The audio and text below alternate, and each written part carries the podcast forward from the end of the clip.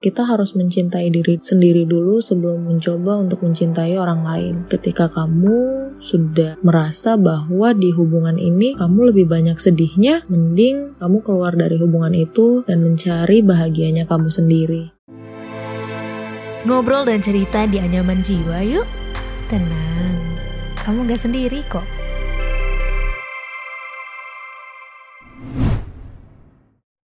Buat kamu, para fresh graduates yang pengen tahu serba-serbi dunia kerja profesional, serta hak dan kewajiban karyawan dan perusahaan, yuk dengerin Podcast Obsesif, persembahan Medio by KG Media, hanya di Spotify.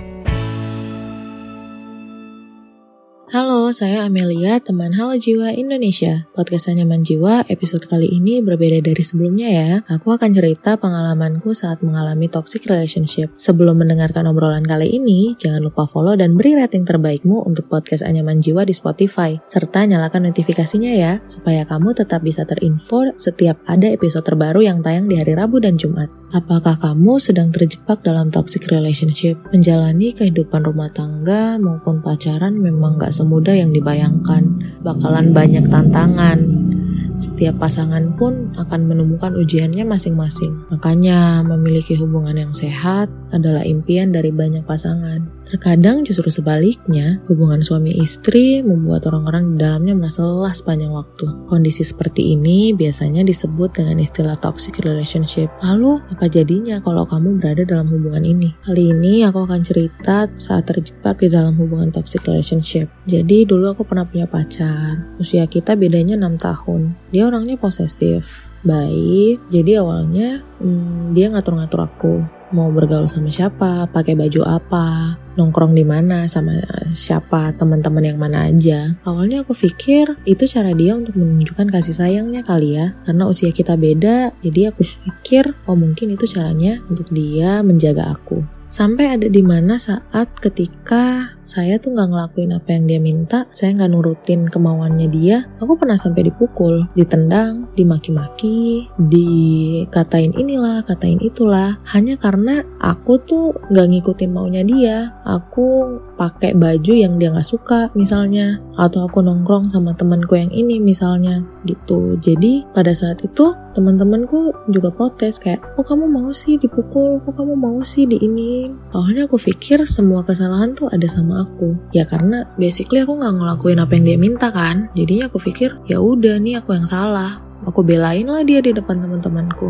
Sedih pada saat itu ya pasti ya, kecewa juga ada. Aku pernah sampai didiamin berhari-hari hanya karena dia nggak suka dengan pakaian aku pada waktu itu. Atau aku ngechat lagi sama temen aku, sampai akhirnya dia tuh selingkuh. Dia bilang mau nikah. Sedih ya pasti adalah namanya juga kita pacaran terus diselingkuhin ya sedih. Akhirnya aku sadar kalau hubungan kita nih nggak sehat. Bukannya pacaran tuh harusnya seneng-seneng ya. Bukannya pacaran tuh harusnya kita berbagi kebahagiaan ya. Kok aku malah lebih banyak sedihnya daripada senengnya? Akhirnya ketika dia melakukan perselingkuhan itu aku memilih pergi dari hubungan ini. Awalnya emang berat sih. Melepaskan orang yang kita sayang meninggalkan semua rutinitas-rutinitas yang kemarin kita lakukan sama pasangan kita. Ngechat selamat pagi lah, tanyain sudah makan lah. Rasa kehilangan itu pasti ada. Cuman akhirnya aku sadar kalau hal yang pertama yang harus kita lepas adalah racun itu sendiri. Kita nggak akan pernah bahagia kalau tetap minum racun. Yang ada kita malah mati. Akhirnya aku memilih untuk memutuskan hubungan itu.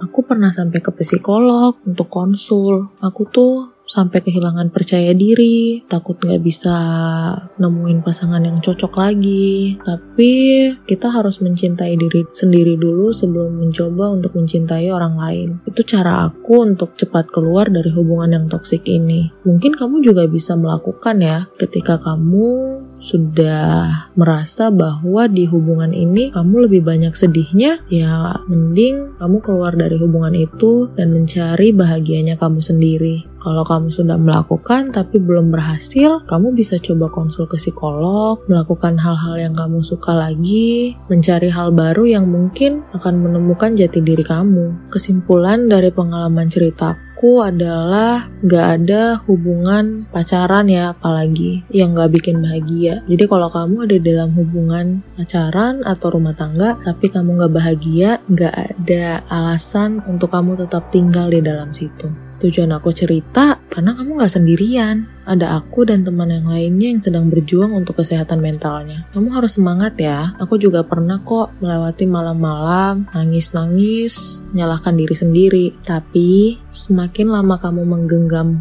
racun itu, semakin kamu menyiksa diri kamu sendiri. Kamu harus pergi. Berani ya. Terima kasih buat kamu yang sudah mendengar episode Nyaman Jiwa kali ini. Dan terima kasih juga udah mau mendengarkan saya. Kalau kamu ingin curhat, jangan sungkan. Kirim aja ke podcast at kgmedia.id dan DM di sosial media at medio by kgmedia dan follow akun Instagram at Halo sebagai sarana penyedia informasi kesehatan mental dan follow at Halo Shop untuk merchandise terbaik lainnya. Nah, Halo Jiwa Indo juga menyediakan layanan konseling dengan profesional loh bersama bully.id dan layanan konseling sebaya dalam program Ruang Refleksi Online. Saya Amelia dari teman Halo Jiwa Indonesia. Ditunggu ya episode yang lainnya. Ya, udah selesai episode kali ini. Tungguin episode Anyaman Jiwa selanjutnya ya.